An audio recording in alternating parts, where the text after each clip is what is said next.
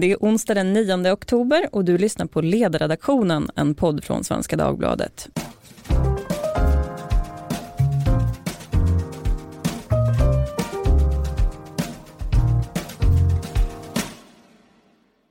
Jag heter Lydia Wåhlsten och idag ska vi prata om det avslöjande som SVTs Uppdrag granskning kommer med idag. Det handlar om könsdysfori bland barn och unga och programmet är del två i en serie som vi har belyst tidigare här i podden och om ni vill lyssna på den kan ni gå tillbaka och göra det. Innan vi kör igång för idag så ska jag också tipsa om att vi har ett erbjudande just nu och det är att man kan läsa SvD digitalt helt gratis fram till årsskiftet och då surfar man in då på vår hemsida. Men nu alltså könsdysfori, känslan att man är född i fel kropp. Ett av skälen till att unga behandlas är att de mår psykiskt dåligt av den här upplevelsen. Och I debatten har en siffra cirkulerat om att 40% av alla med könsdysfori har funderat på självmord. Uppdrag granskning menar nu att den här siffran är rätt svajig. Ja, finns det tillräckligt stöd för dagens politik? Med oss för att bena i den frågan har vi Uppdrag granskningsreporter Carolina Jemsby på länk. Välkommen Carolina. I studion finns också skådespelerskan och författaren Alexa Lundberg som är en flitig föreläsare i frågor som rör transsexualitet och som själv gjort en könskorrigerande behandling. Välkommen. Tack. Mitt emot mig sitter också Sven Roman, överläkare och eh, barn och ungdomspsykiatriker som har jobbat länge både här i Stockholm och på andra håll i landet. Och igår så skrev ju du Sven en debattartikel i Dagens Medicin också med den provocerande titeln då för vissa. Stoppa omedelbart all behandling av könsdysfori för barn och unga vuxna. Men jag tänkte att vi ska börja med dig Carolina. Vad är det ni visar i kvällens program egentligen? Ja, vi tar ju upp dels den siffra som du nämnde, som är en siffra som finns i Folkhälsomyndighetens eh, stora rapport från 2015, att 40 procent av unga transpersoner har försökt ta sina liv, alltså inte gå med självmordstankar utan faktiskt gjort självmordsförsök. Eh, har de då uppgivit i en, eh, i en eh, enkät, en webbenkät. Och det här används i debatten både från ministrar och från andra håll för att pusha för den här, det här lagförslaget som nu ses över av Socialstyrelsen. Och det är alltså ett lagförslag om att tillåta underlivskirurgi från 15 års ålder utan målsmans eller vårdnadshavarens tillåtelse. Och den här siffran eh, finns det liksom inte riktigt belägg för. Eh, det går inte riktigt att använda en siffra från en webbenkät på det sättet. Däremot, och det är väldigt viktigt att betona, är det ju så att många, ursäkta, många unga transpersoner mår väldigt, väldigt dåligt och behöver hjälp och behöver ju förstås insatser från samhället. Men det är viktigt att det blir rätt insatser. Och det som vi också då lyfter fram i detta är ju att det här lagförslaget bygger delvis på en statlig utredning från 2014 och i den utredningen står det gång på gång att det är viktigt att eh, uppmärksamma att, unga, att det förekommer att unga transpersoner tar sina liv i väntan på operation. Men det här är då alltså ett påstående som det inte finns belägg för och där när vi talar med utredaren säger hon att det har blivit eh, felformulerat helt enkelt. Och det är ju eh, ett påstående, en föreställning som givetvis skulle det vara så, skulle man kunna rädda unga liv med tidigare underlivskirurgi, så självklart. Men om det inte stämmer så riskerar man att ge de här unga människorna som mår dåligt fel hjälp. Och det mm. är väl lite kärnan skulle jag vilja säga i vårt reportage. Det första reportaget väckte mycket debatt och jag har sett diskussioner idag också. Och en kritikpunkt mot er då, det är det vanliga att Uppdrag granskning är enkelspårigt. Och jag har tänkt på det i diskussionen med de apatiska flyktingbarnen som har varit ganska stor nu, att man säger då att ingen pratade med barnen. Och ni lyfter upp några personer i reportaget då, som ni har pratat med och som antingen ångrar sig eller har tänkt om. Varför visar ni inga som har positiva erfarenheter? Finns det inga sådana? Jo, men vi är också med Alexa Lundberg som sitter i, med i podden här nu, som har levt som transperson i 20 år. I förra programmet hade vi med två norska transpersoner som också var äldre, hade levt i 20 år som transpersoner och eh, som var nöjda med det. Eh, så att det skulle jag vilja säga inte stämmer. Eh, sen är det ju så, det här är ju en svår fråga. Det är ju Det är väldigt kontroversiellt att tala om att det finns personer som ångrar sina könskorrigeringar. Och det är ju en oåterkallelig behandling. Det går ju inte att göra helt ogjort mm. när det är gjort. Och det väcker starka känslor och det, ja, och det tror jag det vi ser.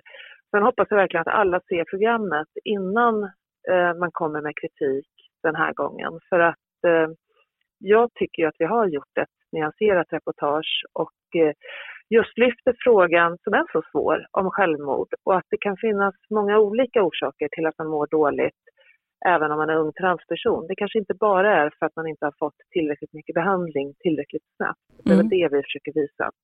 Och med det vill jag också poängtera, inte sagt att inte den här vården ska finnas. Självklart ska könskorrigeringar finnas, men vara noggrann med att inte några personer blir felbehandlade i detta. Jag tänkte vända mig till dig Alexa Lundberg, du är ju med i reportaget och i en intervju med SVT idag, då sa du att redan vid fyra års ålder så kände du att du var flicka fast andra såg en pojke. Ja. Kan du beskriva hur det är att växa upp och ha den här känslan? Ja, alltså det är en ständig känsla av utanförskap eh, och att man inte hör till. Eh, också präglat såklart av omgivningens ständiga kommentarer att så där gör inte en pojke, eh, du är ju som en flicka, är du bög eller började komma när man blev lite äldre och sådär. Eh, så jag skulle säga att växa upp med könsdysfori det börjar ju med, eller för mig i alla fall så började det med en övertygelse om att jag var en tjej. Eh, jag hade ingen kroppslig dysfori vad jag kan minnas, så tidigt i alla fall, men en identitetsmässig sådan. Um, att jag tänkte att nej men jag är faktiskt som tjejerna, det spelar väl ingen roll om jag har en snopp. Alltså, eh, och idag vet jag ju liksom att snoppen det är väl bara en utåtversion av vaginan. Liksom, så att, eh, om jag ska vara eh, hårdrare och vara lite rolig.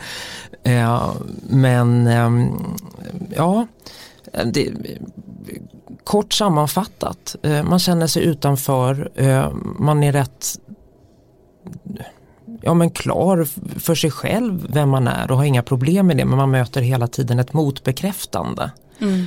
Men här är jag ju också eh, kritisk idag till att jag har fått de här upplevelserna till att handla om att det var något fel på min kropp. Eh, jag kan inte säga att det inte var det men jag kan inte heller säga att det var det.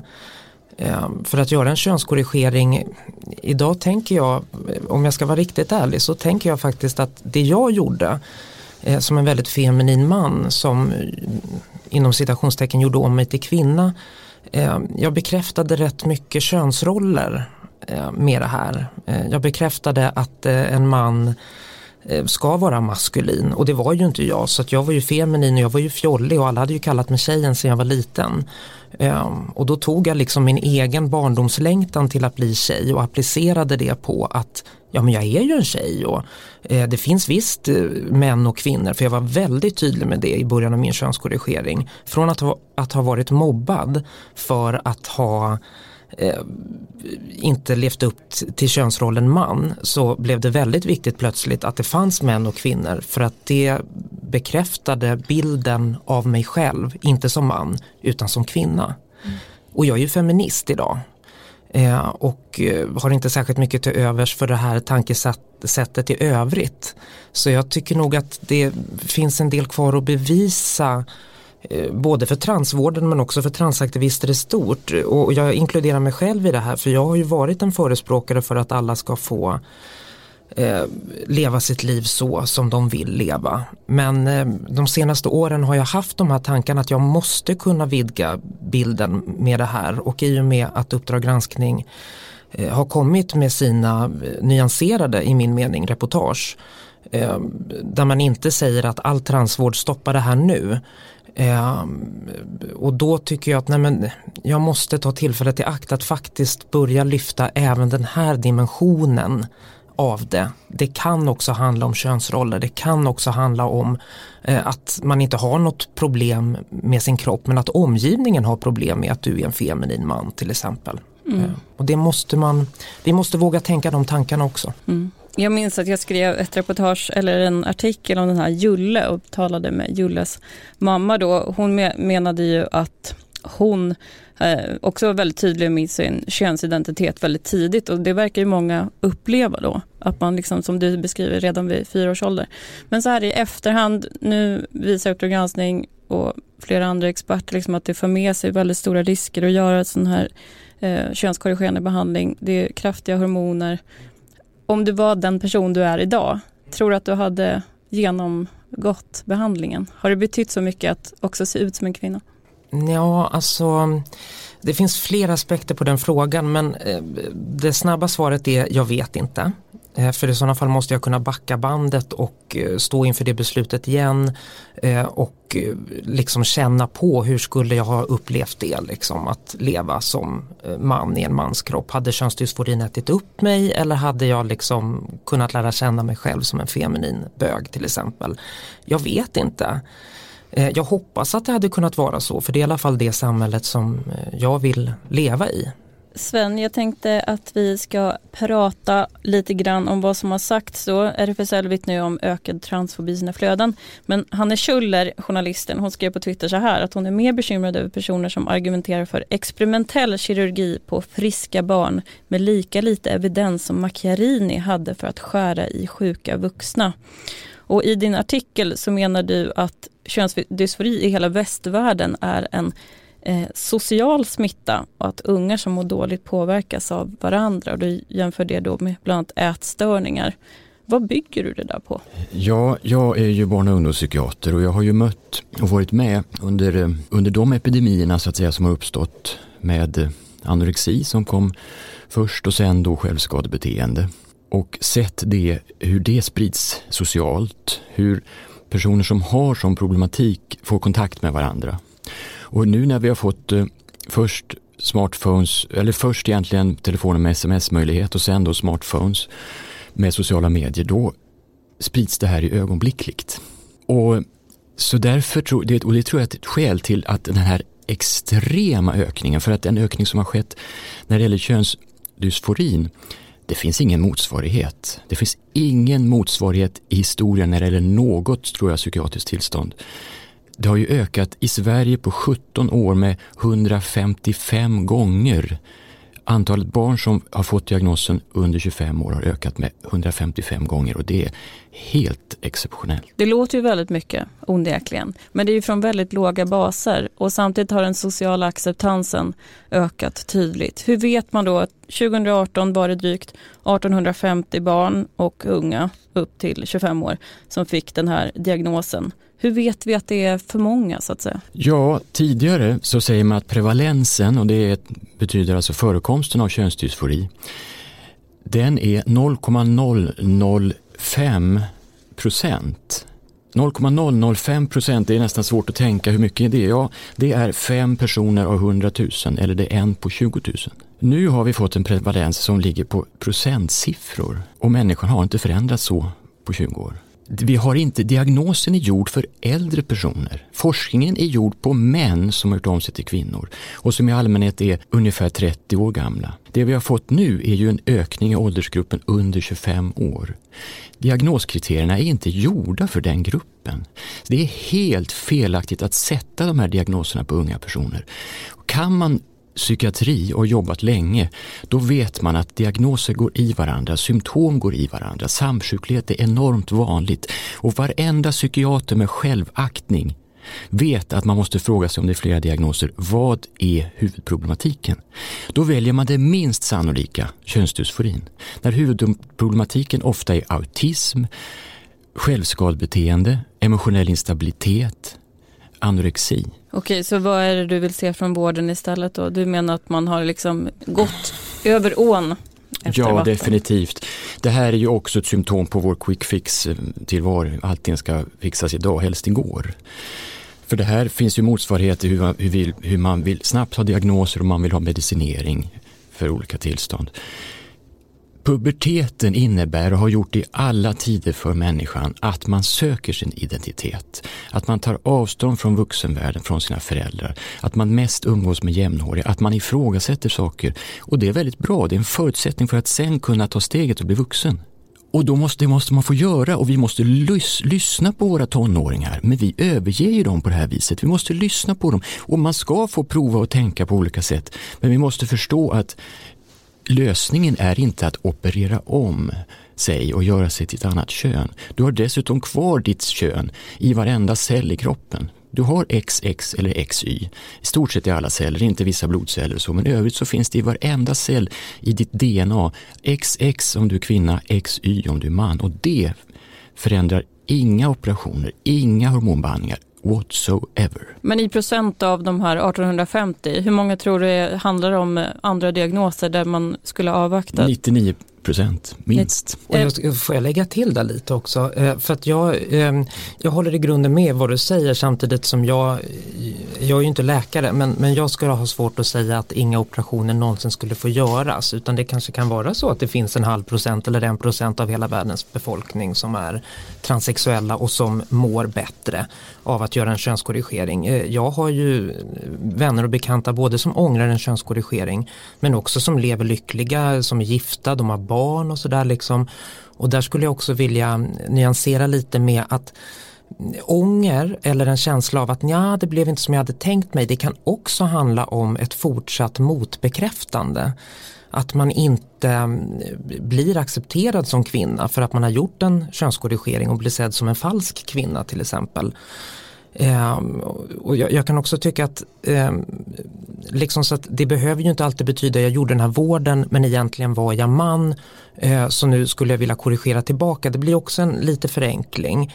Ehm, för, ja, eh, för det är ju som du säger, man har ju kvar sitt kön. Eh, jag har ju fortfarande kvar mitt könsorgan, det är bara omformat på ett annat sätt. Liksom. Jag är fortfarande kvar känseln även om känseln är lite sämre Eh, efteråt. Och känner man att man har en dysfori som gör att men jag struntar i det, jag överger full eh, sensation vid orgasm till exempel för att få göra en, för att få ha en snippa mellan benen Absolut, men vi pratar alldeles för lite om att det finns konsekvenser av den här kirurgin. Det är inte så att det kommer någon med trollspö och liksom pling, nu är du en fullskalig kvinna till kroppen och det finns ingenting som skiljer dig från cis-kvinnor då eh, i mitt fall. Eh, och så är det inte. Min mm. röst avslöjar fortfarande min bakgrund och det har jag lidit av något alldeles enormt. Jag är skådespelare, jag pratade så här förut för att mm. inte avslöja allt för mycket att jag var jag kommer ifrån sådär. Men på scenskolan så sa de, vad har du för röst på riktigt då? Mm. Vi måste höra dig liksom, längst bak i salongerna. Och ju mer jag började jobba med mig själv desto mer förstod jag ju att jag hade ju mer nackdelar av den här transitionen eh, på lång sikt. På kort sikt hade jag jättekul att vara ute och festade och liksom eh, fick uppleva den svåra vägen. Liksom att wow vad kul jag har och ja killar tycker jag är attraktiv, ja jag får ligga med heterokillar, la la la la sådär till att riktigt mörka situationer där man blir misshandlad för att mm. de trodde att de hade gått till sängs med en riktig tjej sådär liksom va? och på den vägen mm. förstå och nu så om jag nu överger det kortsiktiga och kommer in på det långsiktiga summa summarum jag hade levt ett mindre komplicerat liv som en homosexuell man. Jag vill bara revidera lite för jag tog i, jag, jag, jag tog i lite när jag säger mer än 99 procent. Jag tänkte mer utifrån siffran. Det var nämligen 12 2001 och det var 1859 2018. 12 av 1859 är mindre än 1 procent. Samtidigt så tror jag kanske att det är en annan attityd idag. Det är fler som, som kan komma ut och tala om det här. Så att jag, jag skulle säga, men jag skulle säga att definitivt över 90 procent. Och så vill jag också lägga till att jag är inte motståndare till könskorrigerande behandling på något vis. Mm. Men jag vill att det ska göras säkert. Det finns ju en komplicerande faktor att om man inte ska gå igenom, eller om man går igenom puberteten så blir det mycket svårare att göra en sån här transition senare. Ehm, ja, det vittnar ju flera personer om och det är väl därför man överhuvudtaget diskuterar att göra det här på unga vuxna. Ja precis Men, och ska man vara tydlig också så finns det ju vårdgivare som menar att det kan vara en anledning till ånger. Att ånger är egentligen inte att man gjorde om kroppen utan att man inte passerar eller att det inte fungerar så som man, som man vill. Så det ska man ju också ha med sig. Jag tänkte bara koppla tillbaka till, för vi pratar ju om konsekvenserna och en sån konsekvens som jag tror att du twittrade om Sven, det var ju just det vi pratade om kring självmord och risken för självmord och att den kan faktiskt öka efter att man har genomgått en sån här? Eller är det att det inte finns någon korrelation överhuvudtaget? Det finns ingen korrelation och det här är också något som används i debatten och jag reagerade starkt när socialministern säger i tv-programmet om att eh, påskinar faktiskt att det skulle kunna finnas eh, någon eh, eh sån, eh, hon, hon, säger i vilken mån minskar suicidrisken eh, om man nu får behandling? Den minskar överhuvudtaget inte och därför ska man inte prata om i vilken mån. Det finns ingen evidens för att den minskar. Det vi vet, det finns en jättestor, bra studie på alla transpersoner som fick könskorrigerande behandling i Sverige 1973 till 2003. Vi var dessutom först i världen med att tillåta det här vad jag har förstått 1972. Ja. ja. Så vi har, och det är en longitudinell studie heter det och de har en hög, eh, ganska hög evidensgrad skulle jag säga. Då visar det sig att de som har genomgått könskorrigerande behandling har en överrisk, 19 gånger högre risk för, ett, för självmord. Det betyder inte att behandlingen i sig ökar risken.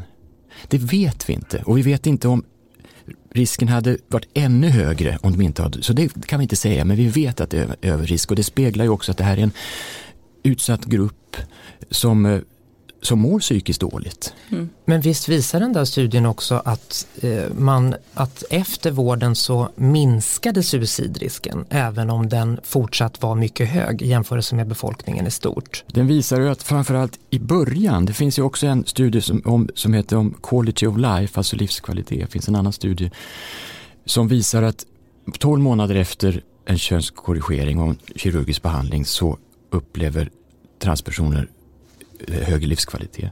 Efter tre år så är det på samma nivå. Efter fem år är det en lägre livskvalitet men den är inte statistiskt säkerställd. Men sen har man inte följt upp längre. Och det här behöver ju följas upp livet ut egentligen. Mm. Så vi har alltså inte vi har inget stöd för att självmordsrisken ökar om man inte får behandling och att använda det som ett argument det är väldigt gravt tycker jag. För det är ett sånt där argument så att det är en sorts känslomässig utpressning man sysslar med då. Vi börjar försöka närma oss slutet på dagens podd men det är väldigt intressant att höra.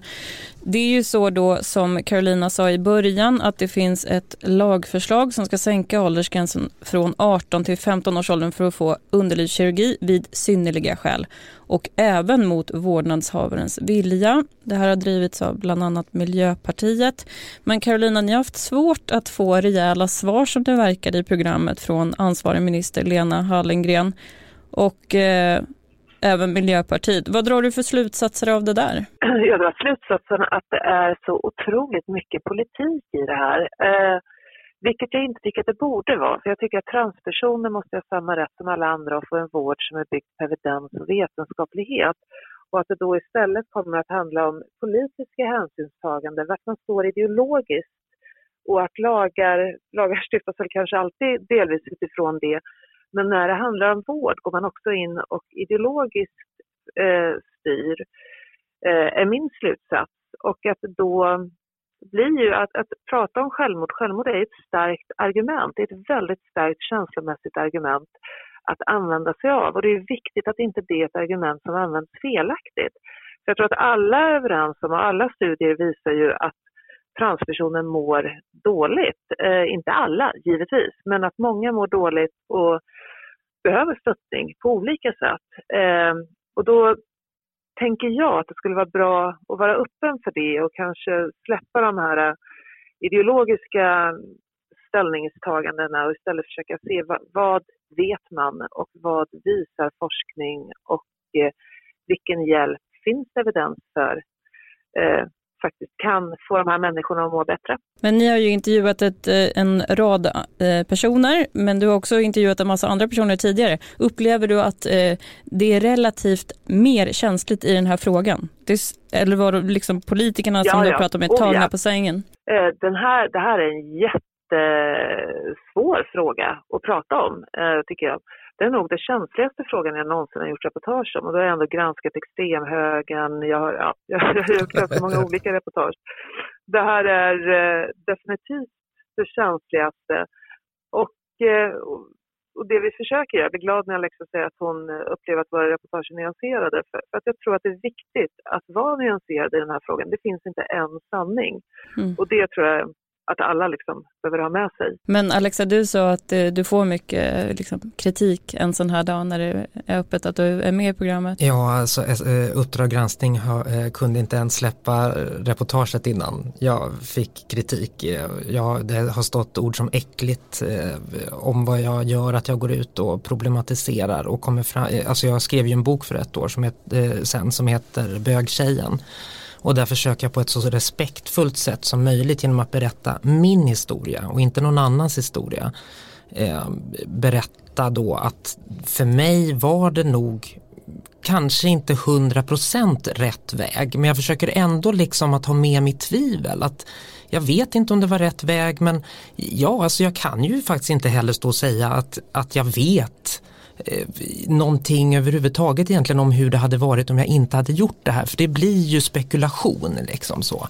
Eh, så jag, jag, försöker vara så nyanserad som möjligt även om det också måste bli tydligt att jag är kritisk Men till var, transvård. varifrån kommer kritiken? Ja, från mitt eget liv såklart. Att jag inte, det du pratade om där, att man mår bättre i början. Sen mår man inte, sen börjar verkligheten eh, kicka in igen och man förstår att jag blev inte en annan person, jag eh, eh, mår inte psykiskt bättre utan jag har fortfarande samma problem. Och det som hände mig, bara för att ge faktiskt, rikta kritiken där den hör hemma till transvården. Och nu är det här ett tag sedan men när jag var klar då hade jag ett sista uppföljande möte med min eh, läkare och han är ju psykiater liksom, så att han borde ju verkligen vara eh, nyanserad och intresserad. Hur blev det här då? Men då sitter han liksom och ler och, och tycker så här, nu är du klar, liksom, vad roligt. Och jag sitter och gråter för jag mår mm. for, fortsatt piss. Och det som händer är att han blir stressad eh, och jag får gå därifrån eh, så snabbt som möjligt eh, för att jag inte bekräftar det som han, han trodde att han hade hjälpt mig och jag bekräftar inte det. Och då säger han lite panikartat, ja, alltså mår du dåligt av andra orsaker, ja då får du ju söka vård som alla andra. Mm. Och sen var det mötet slut. Det här är ju väldigt eh, intressant. Jag såg att någon har sagt att det här kan vara en, en av de största vårdskandalerna i Sverige. Sven, tror du att det ligger någonting i det där? Jag har ju sagt det bland annat. Ja, jag har gjort en uppskattning utifrån Socialstyrelsen har förträffliga siffror över både diagnoser och eh, medicinering. Och då har jag mellan tummen och pekfingret de senaste sju åren så är det mellan 3000 och 6000 personer under 25 år som har fått könskorrigerande behandling. Lobotomin utsattes 4500 personer för, men det var människor som var väldigt sjuka nästan alla här är fullt somatiskt, alltså kroppsligt friska. Mm. Så det väntar skadestånd gentemot staten kanske då? Ja, det tror jag. Mm. En eh, sista policyfråga då. Tror ni att det här lagförslaget kommer gå igenom? Inte en chans. Nej, det tror jag inte. Men, men där tycker jag, alltså man ska ju inte ändra någon åldersgräns utan man kanske till och med måste prata om att höja åldersgränsen. Men det finns en del av det här lagförslaget som jag tycker är viktigt eh, om man vill att det ska bli en säker vård, nämligen att man vill ju dela upp så att medicinen sköter medicinen och att juridiken sköts av Skatteverket. Och, och kan du skicka in en om öns en önskan om juridiskt könsbyte där du inte gör några ingrepp i kroppen eller någon hormonbehandling. Ja, det är ju en jättebra mm. grej för att man liksom inte ska behöva gå via vården och säga hej jag vill ha behandling så att jag får mm. bli registrerad mm. som juridisk kvinna. Mm. Det tror jag är en sak som man, det ska man låta gå igenom för att just minska onödiga fysiska ingrepp. Mm. Carolina, tror du att lag, lagen går igenom? Nej, nu är den lämnad till eh, Socialstyrelsen som ska se över den. Eh, jag tror inte att den kommer gå igenom, men det, det är faktiskt två lagförslag. Dels den juridiska som Alexa tog upp och den tror jag har goda chanser att gå igenom. Även om även åldersgränsen där har kritiserats från olika håll. Och eh, där får jag tyvärr säga tack för idag hörni. Jag säger tack till Carolina Jämsby från Uppdrag granskning och många kommer se reportaget ikväll antar jag barn och ungdomspsykiatrikern Sven Roman och skådespelerskan och författaren Alexa Lundberg. Tack så mycket.